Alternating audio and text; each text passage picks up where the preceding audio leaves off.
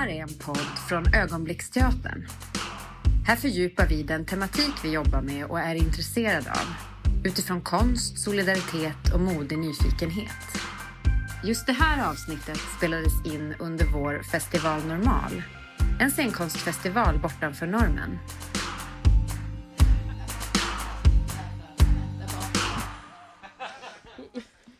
Så, varmt välkomna, eller ja, välkomna tillbaka och välkomna till er som kanske lyssnar på detta hemifrån till, på detta samtal som heter Tusen av oss, en blick på mellanförskapets förlovade land. Jag heter Mario Castro Sepulveda, är verksamhetsledare och producent här på Ögonblicksteatern och vi har spel, precis spelat en föreställning som heter Tusen av oss, skapad och eh, spelad av Sara Gerdo och Angelica Barahui Johansson. En självbiografisk upplevelse om uppväxten på Karlshem, barndomsminnen och alla märkliga vuxna som har figurerat under er uppväxt. Stämmer. Yes. Och jag vill minnas att när vi började det här arbetet så dök ju termen mellanförskap upp som ett tema som skulle undersökas i den här föreställningen.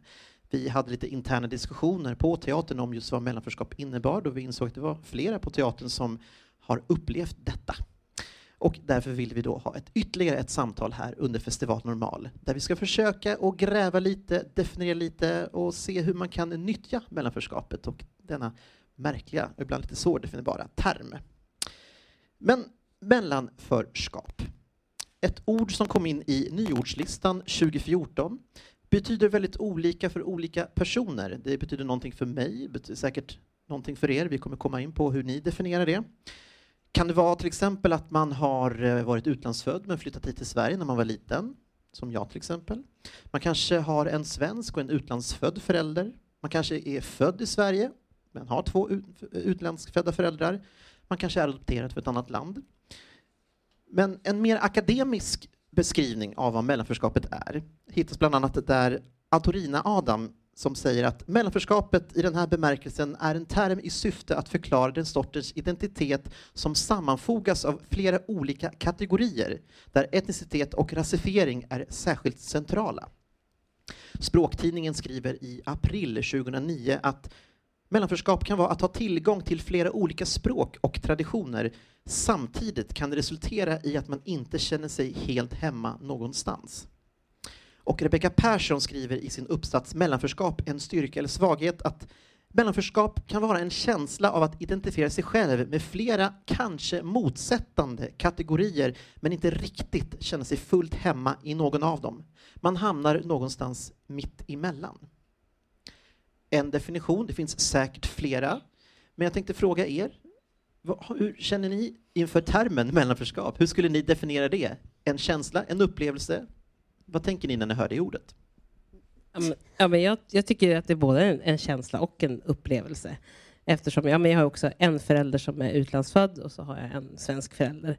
Så att jag har ju som kanske, jag har levt med min mamma som är från Sverige och hon är väldigt blond och ljus.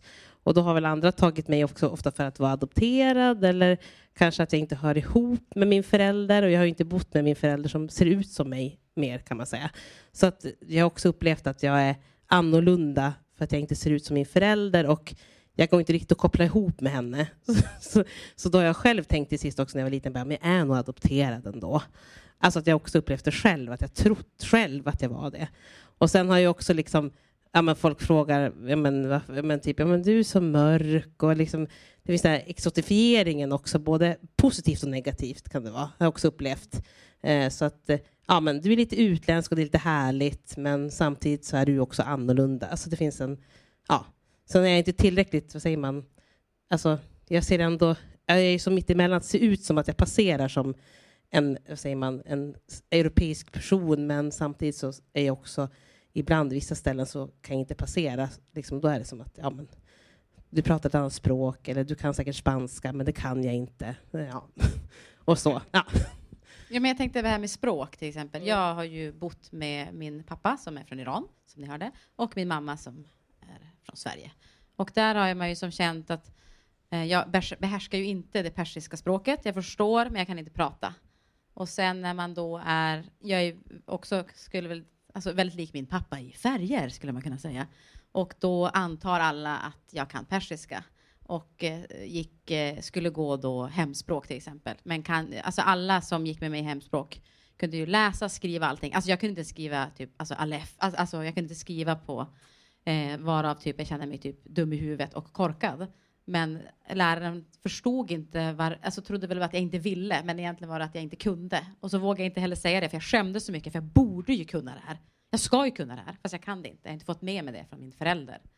Så det är lite den här, äh, nu svamlar jag. Men det, jag förstår, det, så det finns någon slags förväntning, en dubbel förväntning. Du ska både hylla din kultur, du ska kunna ditt språk, du ska liksom redogöra för vad som händer liksom i hemlandet, liksom, du ska ha kontakt med rötterna, samtidigt som jag ibland också kan känna att det finns ett stort krav att man ska vara fullt integrerad liksom, i svenska samhället, ha, liksom, ha, prata svenska utan brytning. Det, och de här dubbla förväntningarna, det kan vara lite utmattande ibland att försöka leva upp till dem. Ja, och speciellt när man kanske träffar, eh, jag tycker oftast då Eh, eh, nu ska man, hur ska man säga här? Ja, men typ pappas kompisar, att ibland kan de ha fått en uppfattning att jag inte tycker om Iran för att jag inte har lärt mig språket. Men det handlar ju inte om det. det blir så himla konstigt att, jag tycker, du inte, tycker du inte om det? Vill du inte det? Vill du bara? Nej, det handlar inte om det, men det, jag fick inte med mig det. Så det kan som inte ens förklara. Och nu när man är den här åldern har jag åkt många gånger till Iran och de bara ja, hon åker till Iran, det är bra, det är bra. Så då har jag fått ett godkännande genom att jag har varit i Iran i alla fall. Behärskar fortfarande inte språket som jag borde. Men då är det som att, ja, det är det här med, precis som du säger, att, men också typ shaming på något sätt. Som jag tycker inte är mitt fel. Ja. Har du varit eh, tillbaka och hälsat på i Bolivia, Sara? Ja, men jag, var en gång och då, fick, då följde Angelica med. Jag var med. Då var vi väl 19 eller 20 sådär då. Det var jätteroligt. Och då kunde vi inte heller, jag kan ju spanska, så vi hade med oss ordbok och satt och slog vartenda ord. Liksom. Och mina släktingar, någon kan engelska, men inte så många. Men de hade nog ingen förväntning. Jag tror min pappa hade sagt det, men hon kan ingen spanska. Men de pratade det... ju ändå spanska med oss, ja, vill jag ju bara så säga. vi fick ju sitta och slå i ordböckerna. Det gick ju bra till ja. sist. Så det, mm. Vi var där några månader, fyra månader, och sen åkte vi hem. Så då kunde vi spanska när vi åkte hem. Jo. Men inte när vi kom dit. Alltså jag, jag minns, vi åkte vilse i någon taxibil och sen stannade vi och gick in i en fot, nej, inte fotobooth, eh, telefonbooth. och jag, jag, ringde din faster och helt plötsligt bara, när jag lägger på bara, hur kunde jag säga alla de här spanska orden och få det rätt? Nu? Adress också. Adress och allt möjligt. Jag vet inte, jag, min, jag, jag fattar inte. Men ja, men det var häftigt. Mm. Ja, men det var jätteroligt att vara där, träffa alla och då känner man sig mer då kände jag att ja, men jag var otroligt lik mina släktingar, både utseende och sättet. Då förstod jag, men okej, okay, det här allt kommer ifrån, alltså hur jag är, att jag är lite hetsig, alltså de är ju likadana. Så då kände jag mig ändå väldigt hemma på det sättet. Så det är ju schysst. Jag tänker det har man också, nu när jag läst på lite om mellanförskap och lite olika studier, det är att många personer som har vuxit upp mellan två kulturer söker sig ofta tillbaka till rötterna. Eh, jag har ju gärna, skulle gärna åka tillbaka till Nicaragua och Chile där jag kommer ifrån, men jag har ett så himla stort dåligt samvete för att jag inte varit där på jättelänge, för att jag har tappat lite av grammatiken. Att jag önskar ibland att jag hade ursäkten, ja men han har aldrig lärt sig spanska någon gång. Så det är, men du kan spanska? Jag kan spanska, mm. men jag har tappat en hel del. Så eh, hoppas att kanske en tripp dit kan få mig att fräscha upp språkkunskaperna. Men jag skulle prata lite om eh, mellanförskap i eh, konstskapande och utövande. Så jag skulle bara vilja börja med att fråga, finns det något verk eller någon person eller någon utövande konstnär som har inspirerat er som rör sig i de här frågorna? eh, ja, men nu tar jag en föreställning jag såg på Bibu. Där vi, prat, vi har pratat om det, här, på ren svenska såg vi. Eh, och nu ska jag ju då försöka återberätta den här föreställningen inser jag nu när jag sagt det här. Men det var så den var så, det var, de skapade en sån fruktansvärt obehaglig stämning om att inte passa in. Eh, det är en tjej som bor i en stuga. Sen helt plötsligt så får hon reda på att hon har fått två halvbröder. Det är alltså från pappans sida. Men stugan har mamman, hennes mamma och, och deras gemensamma pappa ägt tillsammans. Och hon har bott där hela sitt liv i den här stugan. Men nu visar det sig då att pappan har lämnat liksom stugan, arvet till alla. Och då kommer de här bröderna dit och det är jättefin stämning och man äter knäckebröd med smör och ja, sådär. Och helt plötsligt under tiden man är där så är det som att hon som har bott där hela sitt liv så säger de så här kan inte staket se ut, staketet ska vara vitt. Och så börjar de måla staketet vitt. Hon bara ja men jaha okej, okay, ja visst. Och sen det, slut, det, det är hela tiden små små förändringar de börjar göra med, med stugan som hon har bott och att de tycker att Så här, är det liksom, så här ser stugor ut i Sverige. Så här man äter knäckebröd med typ, jag vet inte vad det var, jag minns inte hur det där var. var oh, varför börja med kaviar? Jättebra. Ja, men jag vet inte så förklara. De skapade en sån fruktansvärd eh, dålig stämning att jag fick typ ont i magen. Att personen som egentligen har all rätt att vara där, men ser inte svensk ut. Eh, jag, avsluta min mening, Sara. Kan inte traditionen, jag har inte sett Ja, den. nej. Eller var det så? Att Jem, de kunde har du inte sett den? Ja, precis. alla Tack. Mario, säg något smart. De, ja, men alltså de, de tar över. Och Ja. plötsligt så, får, så blir det inte bara ett mellanförskap utan hon hamnar i ett utanförskap. Ja, då hon inte längre Ja. får vara del av Ja. Det, ja, exakt. Ja. Och det kan man ändå känna igen sig lite i grann. Att man, ja, det, för hon kände sig som, hon var ju svensk, men hon hade liksom en mamma som inte var svensk helt enkelt. Ja. Mm. Vi- va- Ja, jag svarar på den frågan. Så, eh, vill du säga något Sara? Ja, men, men, jag, jag hade, men det med att jag såg att Dramaten gjorde en föreställning som hette Mellanförskap och då handlar det om någon, en kille som också tog från sitt liv dokumentärt. Liksom att han också har en, eh, jag tror jag har en förälder också från ett spansktalande land, vet, minns inte vilket. Men han gjorde det som en föreställning, jag kollade på lite klipp och var som peppad. Och sen lyssnade jag faktiskt på en eh, alltså sommarprat med hon, jag vet inte, hon heter hon är designer. Och hon, eh, och hon, hon, är, hon är från, vad heter det, Eritrea. Eh, hon är född i Eritrea och så har hennes föräldrar flyttat hit. Eh, och hon pratar om alltså det positiva i mellanförskapet, att hon har plockat liksom jättemycket från hennes eritreanska rötter och i hennes design så använder hon det och hon liksom ja, men skapar liksom jättemycket med hjälp av det, men samtidigt har det här då, som hon säger, det svenska, det nordiska, så plockar hon från det. Hon sa att det är som bra att vara från två olika kulturer, för du kan plocka fritt. Eller hon känner sig väldigt fri. Samtidigt som hon också såklart pratar om att hon, det finns skillnader. Hon har upptäckt, alltså när hon växte upp så var det jättestor skillnad på ja, men hur det var hemma hos henne och hemma hos andra svenskfödda barn. Liksom, och så. Men nu som vuxen så ser hon en så stor fördel att hon liksom har plockat från alla kulturer och skäms inte och bara kör. Liksom. Så det är en stor inspiration tänker jag, i mellanförskap och i konst. Alltså att det kan bli ja, verkligen någonting en mix av massa kulturer i konst. Om man kan använda mellanförskapet rätt. Ja. Jag vet också Emil på, som är på teatern, han tycker att mellanförskapet är ett, ett, inget bra ord. Han känner sig inte bekväm med att använda liksom, det ordet och tycker att det är någonting negativt. Alltså, att det är utanförskap fast man förklär det i ordet mellanförskap. Så det kan... U- Ja, men han tycker mer att det handlar om ett utanförskap, även om man kallar det mellanförskap. Alltså det är som att han tycker att det inte... Att det klingar lite falskt kanske. Alltså mellanförskap kan ju vara någonting också problematiskt. Jag tänker, det är, det är en självupplevd det är en definition. Jag kommer ihåg när jag kom i kontakt med det första gången så kände jag just det, ja men ja, det landade rätt i mig. Sen så kan jag verkligen förstå att det blir en etikett som kanske inte alla är helt bekväma med. Och det tänker jag måste vara upp till var och en att få definiera vad man, vilken laddning, vilken värdering man lägger in i just termen mellanförskap. Mm. Men vi har ju pratat lite om att det är ändå någonting som, som resonerar i oss, liksom, att det finns någonting i det ordet som ändå känns intressant Mm. att vara i. Mm. En sak också som jag tänkt gällande just Tusen år-föreställningen, att det, det finns, alltså mellanförskapet finns ju där. Ni pratar om era familjehistoriker, ni pratar om era, era föräldrar, men det är heller liksom inte en, just den, den stora mellanförskapsföreställningen som har titeln, utan det är liksom, den är inbakad, den finns liksom i, i brist på annat i dess DNA. Vill ni prata lite liksom om hur ni har liksom angripit mellanförskapet, eller använt er av mellanförskapet i just föreställningen Tusen år av oss? Ja, men jag tänker det här med, med Göran till exempel, det är väl väldigt eh, men att jag växte ju upp då med en svensk mamma och Göran var ju exempel, han var ju också en svensk man, men använde väldigt rasistiska kommentarer och, och han visste ju att min pappa var från Iran och liknande. Alltså det är väl det försökte vi ta fram i scenerna där att Alltså jävla muslimska typ eh, tattar, romjävel sa han. Ja, vi sa det. Ja, precis. Alltså försöka få in att sånt var det man fick höra i hemmet, men samtidigt som bara, eh, så visste jag hur jag såg ut till exempel. Men det är ju också den här klassiska som man har fått höra, bara, nej men inte du.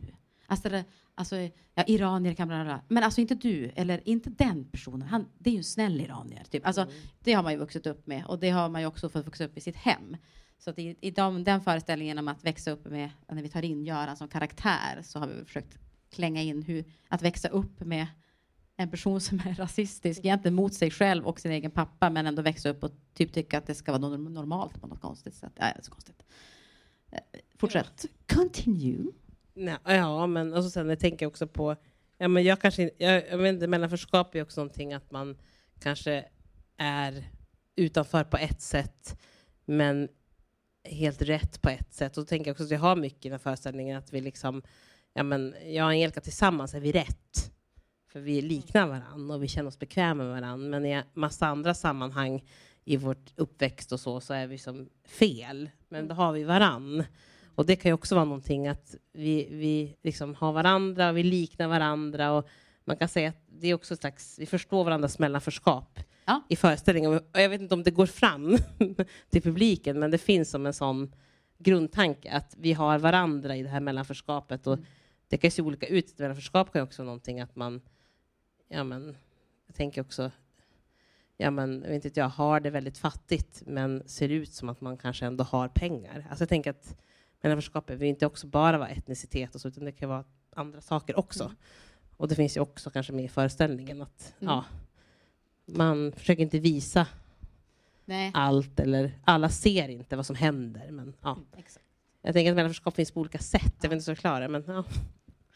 Jag tänker, om ni skulle eh, fördjupa er, säg att ni gör eh, 1002 år av oss och verkligen jobba med liksom att skildra mellanförskapet, skulle ni säga, finns det eh, mer framgångsrika sätt att skildra det på? Finns det några falluckor att undvika liksom, när man tar sig an Alltså, vi, här tän- ämnet? vi tänkte ju ha med en scen.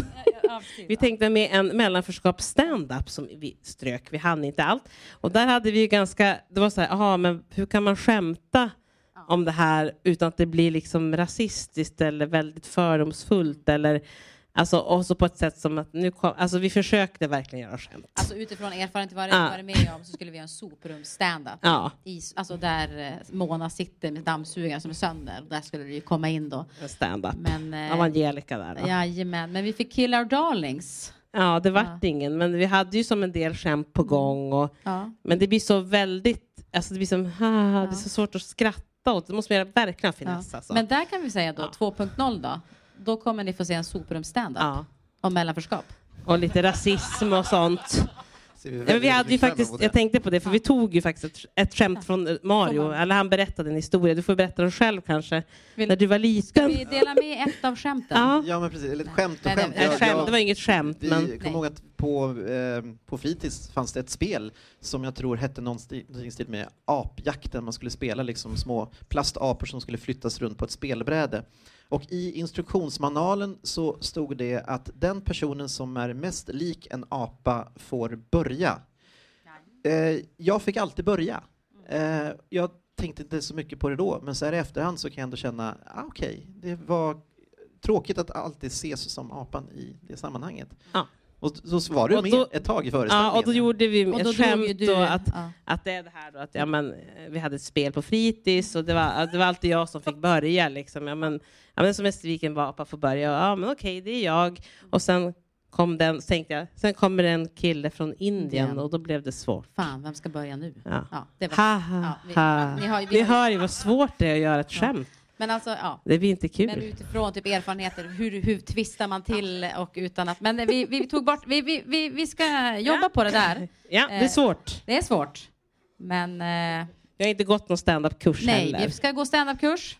Sen kommer det hoppas, förhoppningsvis bli kul. Eh, Men jag tänker också på eh, mellanförskap, just, vi har varit inne lite på det, gällande språk eh, och att ta sig an liksom, för språk är ju så mycket en nyckel till kulturer, det är så mycket en nyckel till liksom, att lära känna ett land. Eh, nu har ni olika ingångar liksom, till liksom, persiskan, spanskan och, eh, och hur, eh, hur känns det liksom att ta er an en, ett mellanförskap utifrån liksom, en mer språklig ingång? att ha med sig, inte ha med sig ett språk in i en sån här föreställning. Ja, in till föreställningen. Mm. Ja, vi började, jag kan säga den här eh, passscenen med persiskan. Oj, vad långa eh, dialoger vi hade på persiska, jag och Sara. Eh, ni hörde att det blev balle, balle, balle, balle.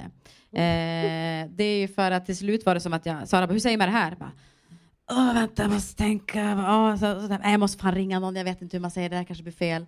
Och sen eh, jobba med uttal, känner jag att jag inte behärskar. Och så ska jag, Sara bara, hur säger jag? jag bara, jag vet inte, nu, nu, nu har jag försökt säga det så många gånger till dig Sara, att jag tappat hur man säger det. Till slut, ja jag tycker Ja, det då var... tyckte vi att det var lite roligt att ja, men, Mm. det är ju så det är. Alltså, som du kan inte prata persiska ordentligt, det kan inte jag heller. Mm. Så då kör vi balle, balle och sen Bara- bara, nu tar vi det på svenska istället. Ja, För det var ju det vi gjorde också. ja, exakt. Jag orkade inte. Nej. Ja. Ja, det, Ja, det, är bra, det, det som en komisk eh, effekt av det. Så det res Men- resulterade till det. Vad, kul, vad skönt att det blev roligt, för det var ju det vi ville. Men alltså, in... vi ska sätta oss innan. Ja. En väldigt Kafkaesk scen, tror jag Ja, det exakt. i någon recension också. Ja. Just det, jo. Mm. Men det där är ju, du var ju en väldigt snäll passkontrollant. Den jag hade släppte ju faktiskt inte in mig. Det, I verkligheten så stod jag där och de släppte inte in mig eh, för att jag har ju helt olika namn. Men eh, varav min pappa sa, nu Angelica du går själv, du ska träna. Ja, jag vill inte träna, du tränar. Och så gick han typ tio meter bakom mig i kön. Så jag bara, Fuck. Ja, den där skrek jag bara, pappa! Så kom han och så var han tvungen att skälla ut alla och typ övertala dem så jag fick komma in på planet helt enkelt. Och nu har jag ett dokument på sex sidor från en advokatbyrå där det säger att det här passet överensstämmer med det här passet med de här namnen. Och en stämpel. Det, man märker tydligt att det blir väldigt snabbt ganska personligt eh, och privat liksom, när man pratar om mellanförskap, ap- apropå hur att det är liksom en, en självupplevd upplevelse. Och jag, om jag får tillåta så blir också lite mer privat än så. Tänker, ni är båda föräldrar. Eh, och, ja. eh, och jag skulle fråga, liksom, har ni tänkt någonting liksom, på hur eh, Finns det någonting i liksom, era föräldrars kultur som ni skulle vilja föra vidare till era barn? Är det någon, någonting som ni har tänkt på, någonting som ni har liksom diskuterat med era partners? Det skulle vara bara intressant att höra hur liksom ni, det är någonting som jag funderar på om jag själv någonsin skulle skaffa barn, hur ska jag förhålla mig till det? Så bara höra från er som har barn. Ja, alltså jag tänkte bara okej, hur ska jag kunna lära min dotter persiska på något? Ja, men Youtube-klipp har vi kört. Sen kan jag känna, det är väldigt svårt när jag inte själv förstår ibland Youtube-klippen. Ja. Eh, sen jag känner jag att man är ju också lat på något sätt. Så att det började bra. Eh, det enda min dotter, jag fick har fått med mig nu är att vi facetimar eller eh, whatsappar med mina kusiner i Iran där hon kan säga salam, Khodafus. Eh, tvingade henne göra en hälsning till min farmor där jag sa alla orden. Eh, och sen var det som att min pappa ringde och sa nu lägger vi bara av. Jag bara oh my god vad händer? Till min pappa. Men, eh, men det, jag tycker det är svårt. Jag hade jättegärna velat kunna bättre persiska och föra över det till, El- till Ella, min dotter. Men eh, ja, det är svårt. Jag, det, och, det, och på något sätt så tycker jag det är så himla sorgligt för jag vet att nu dör, nu dör persiskan. Alltså, nu, dör, nu dör den. Nej, men det arvet, alltså just språkarvet, kommer inte föras vidare. Och det är ju sorgligt, skulle jag kunna säga. Men vårt efternamn Barahoji förs vidare. Okej? Sara? Ja, men, nej, men jag tänker att framförallt resa då. Alltså, jag tänker att när du blir större skulle jag vilja åka till Bolivia så vi kan träffa släkten så det blir lite mer verkligt. Det blir så overkligt annars, tänker jag. Alltså det är någon sån där att uppleva platsen och människorna. Och det blir det mina kusiner. Nu har ju min en faster dött och nu finns det en faster kvar. Då. Alltså, det får ju bli liksom ja, kus, mina kusiner och deras barn. Och, så jag hoppas att någon gång när hon är lite större att vi kan åka. Det är min förhoppning. Tack så mycket. Eh, jag tänkte också på, vi var också lite inne på det tidigare, apropå just dåligt samvete och eh, skuld och känna lite skam. Det är kanske också eh, väldigt mycket utifrån mig själv, men skulle höra liksom så här, apropå att eh, skam dör, det var väldigt dramatiskt sagt. Liksom. Känner ni någonsin att det finns ett tvång eller liksom en slags förväntan och hur uppfyller man liksom dessa, liksom när folk upplever en, läser ens efternamn, ser hur man ser ut? Har ni någon sån ingång? Jag är glad att jag ska vara barn sent, för min pappa är för trött, så han ger mig ingen skuld längre. Eh, jag skojar, det var ett skämt. Men, eh, typ. Men vad var frågan nu, Mario? Jag gick in så mycket på mig själv här. Alltså, kring det här dåliga samvetet, Ja. liksom, att man måste bära liksom, på berättelser, bära liksom, på historik, bära liksom, på liksom, Ja. förväntningar. Men jag tycker väl fortfarande, nu var det länge, nu var det eh, sex år sedan jag var i Iran nu. Men när jag varit där tycker jag att jag skäms ju varenda gång jag öppnar munnen. Eh, för att jag hör, nej, jag, jag hör att jag säger fel. Alltså jag hör att jag inte pratar korrekt persiska. Det är så störande. Vet, när jag säger det ordet då vet jag att jag har helt fel uttal. Och jag dör inombords Okej, okay, det är bara att köra på. Men när jag är äldre jag blivit, alltså när jag var 16 då vågade jag typ inte öppna munnen. Jag bara nej. Men typ visste typ vissa ord och så. Men så, så uttalet har jag inte. Jag tycker att det är svårt. Men så då kan jag, speciellt med de äldre, typ så här, mina fastrar och farbröder, då kan jag typ känna lite skam att jag inte kan typ prata. Alltså, ja, jag kan inte prata med dem, jag kan inte ha en diskussion, om man kan säga så. Jag kan kö- typ föra en konversation. Men då blir det bara, ja vilket bra väder, ja var det gott, ja det var gott, jag går ut, du går ut, var det varmt, det var varmt, var det kallt, nej det är inte kallt. Man bara okej, okay, let's do this again. Eh, jag kan inte föra typ någon slags här, diskussion längre och det tycker jag väl Okej, okay, jag tycker det är lite sorgligt och igen då sorgligt där, men eh, känner lite skuld typ att jag borde typ. För jag kan ju egentligen börja läsa persiska själv nu, men jag gör inte det. Ja. Ja, ja men, nej, men jag känner, men, eh, det är framförallt jag inte, alltså jag har inte heller orkat bemöda mig med att mig ordentligt spanska. Och så när vi hade rest, liksom, varit där ett tag, alltså i Bolivia var ju fyra månader, då kunde jag jättebra spanska i ett år, och sen har jag ingen pratat med. Då tappar jag all spanska, då slutar jag ringa typ till mina släktingar, då skriver jag istället då. Alltså det blir Facebook eller Instagram, alltså skriva till varandra. Och det blir som inte riktigt, man skulle vilja ringa, men så är man lite feg då. För då kommer det bli stelt, tänker man. Men jag tänker också att, eh, att det finns någon skuld i att man ja, men, inte engagerat sig tillräckligt. Ja, men håller jag med om. Något engagemang och att man har släkt på långt håll och man borde engagera sig. Och, ja, men just vad gör, vad gör den kusinen nu? Nu jobbar den med det. Alltså man borde liksom ha en bok där man skriver upp vad alla gör för att liksom inte komma för långt bort. Det, ja, det är ju så. Här i Sverige, den släkt man har här, men det vet man ju typ om man stöter på dem ibland och träffar dem. Och så. Men ja. Men du tycker att vi också faktiskt ska få fokusera lite på positiva saker med mellanförskapet. Finns det liksom pärlor som man kan plocka liksom i att just få välja liksom att ha de här dubbla liksom, identiteterna med sig, dubbla kulturerna? Finns det någonting härligt, någonting gott i liksom att få kunna liksom växla mellan, mellan de identiteterna? Man kan ju kvota in på jobb bra om man behöver fylla i någon Helt rätt. Det tror jag kvotat in. Det är positivt kanske. Kanske också racist, jag vet inte. Eh, nu måste du ta över. Nu känner jag att det kommer eh, balla ur här nu. Ja, men det stämmer ju. Ja, gör det? Ja, bra. Ja. Det kändes som att jag bara, hallå. Eh, men eh, något positivt? Ja, men det kanske är att man har olika, olika kulturer, olika, har sett olika typer av människor, tänker jag också, eller stött på. Och liksom, jag tänker att också vi plockar, du och jag, ganska fritt alltså, i pjäsen. Och, mm. ja, men, det är roligt liksom, också. Mm. Det finns någon lekfullhet i att både att man inte förstår, men att man också förstår ett språk. Och då kan man göra lite vad man vill med mm. det. Alltså, ja. Det finns något lite att man är mitt emellan. Vi fick lite ja, större, bredare spelrum ja. med, alltså att jobba med. Just Också det. ens naivitet, alltså att man är lite naiv. Eh, för att man inte förstår en kultur helt.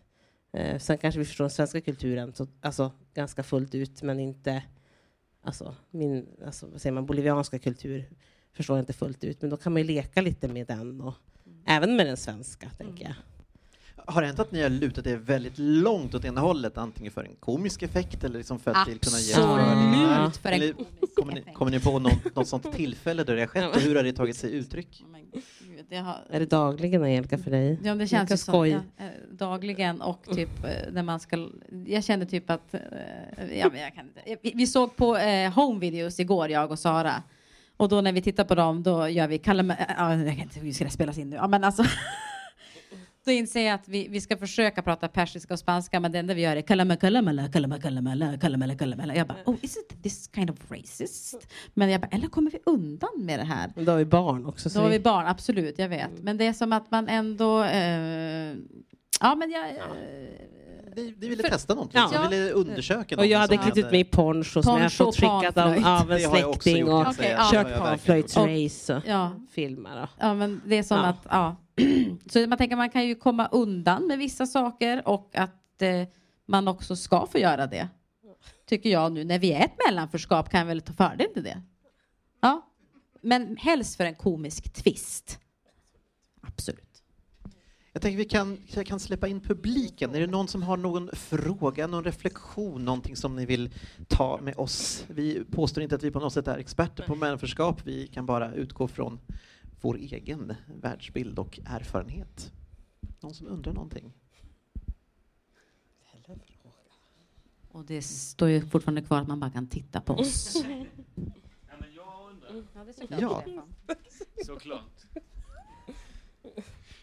Eh, som en fellow scenkonstnär. Ja, men jag tycker det är, eh, tack för en jättebra föreställning, det har jag redan sagt till er. Men eh, eh, när man jobbar självbiografiskt så, eh, och som jag också har gjort, och alla de här minnena och typ gå igenom det igen. Och eh, när jag gjorde det så upplevde jag att det blev en helt annan grej. Eh, typ jag, jag kände så här, ja men jag har redan bearbetat allt det här i, i mitt liv och gått vidare. Men jag har aldrig gjort konst av det. Hur har ni känt i den här processen? För ni har ändå så här eh, gjort eh, föreställningsmaterial av detta och det, typ det blir highlightat och ni visar upp det för en publik. Så det är ändå så här flera steg till, eller hur, hur har det varit för er att göra konst av detta?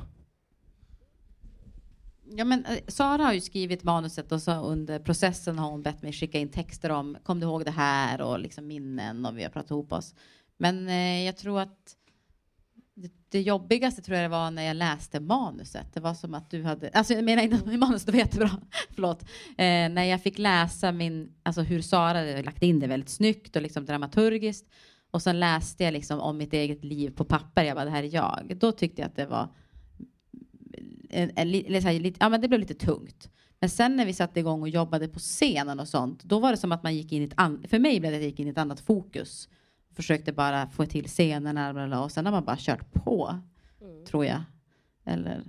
Mm. Ja, men jag, jag håller med. Tittar du jag bara, säger jag ja, men, ja, men det är jobbigare och, alltså när man skriver något och läser texten, då är det jobbigare. Men samtidigt så är det ju, alltså försöka få det att bli så allmängiltigt så alla kan ta till sig också. Så att det, inte, det är ju vår historia, men det ska också vara öppet så att alla kan känna igen sig på olika sätt. Att man inte tänker, men aha, nu, min mamma, det får inte bli för mycket sånt. Alltså, det måste vara så pass eh, Ja, men man måste kunna alltså, då tänka hur skriver jag min historia så att alla kan ta till sig det och reflektera över sin egen historia. Mm. Det var det som var målet om man säger, när vi skrev det. Mm. Och sen plocka ju från mig själv och plocka från Angelica, men det kanske blir taskigare, eller taskigt, men när jag ska skriva om Angelica så blir det ju så blir det mycket enklare när jag ska skriva om mig själv. Sen kanske Angelica kunde ha skrivit om mig och alltså, vi kunde ha gjort någon sån grej. Men det blir som, jag kanske skrev mer om Angelicas historia för det var lättare. Mm. Men, men om min egen är svårare. Mm. Fast min, när jag skriver om mig själv var det mycket tydligare. Jag vet inte, ja, mm. du förstår vad jag menar. Ja.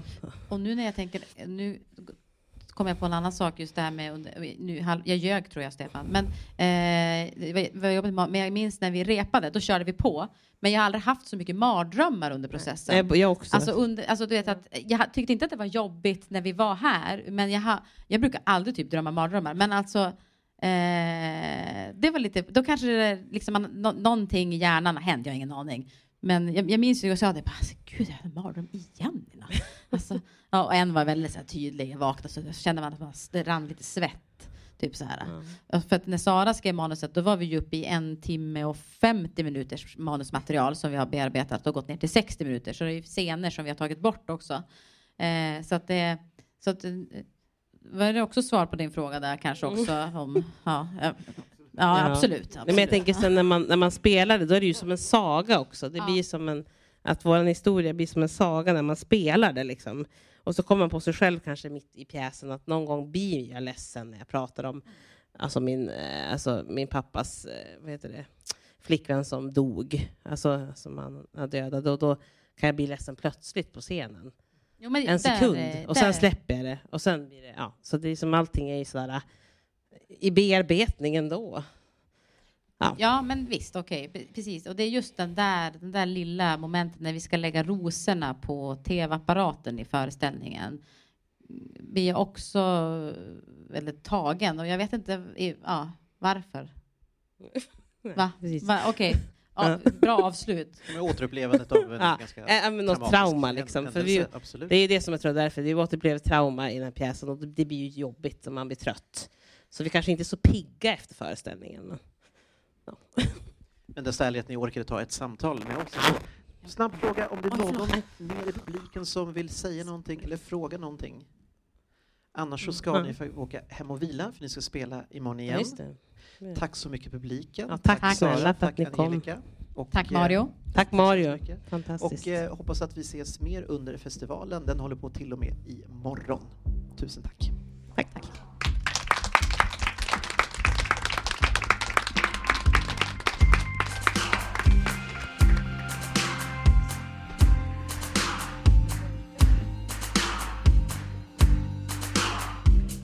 Du har lyssnat på en podd från Ögonblicksteatern i efterbearbetning av Jessica Klingsell på Ljudinstitutet och musik av Min stora sorg. Vill du veta mer om oss eller ha kontakt? Gå in på ögonblicksteatern.se.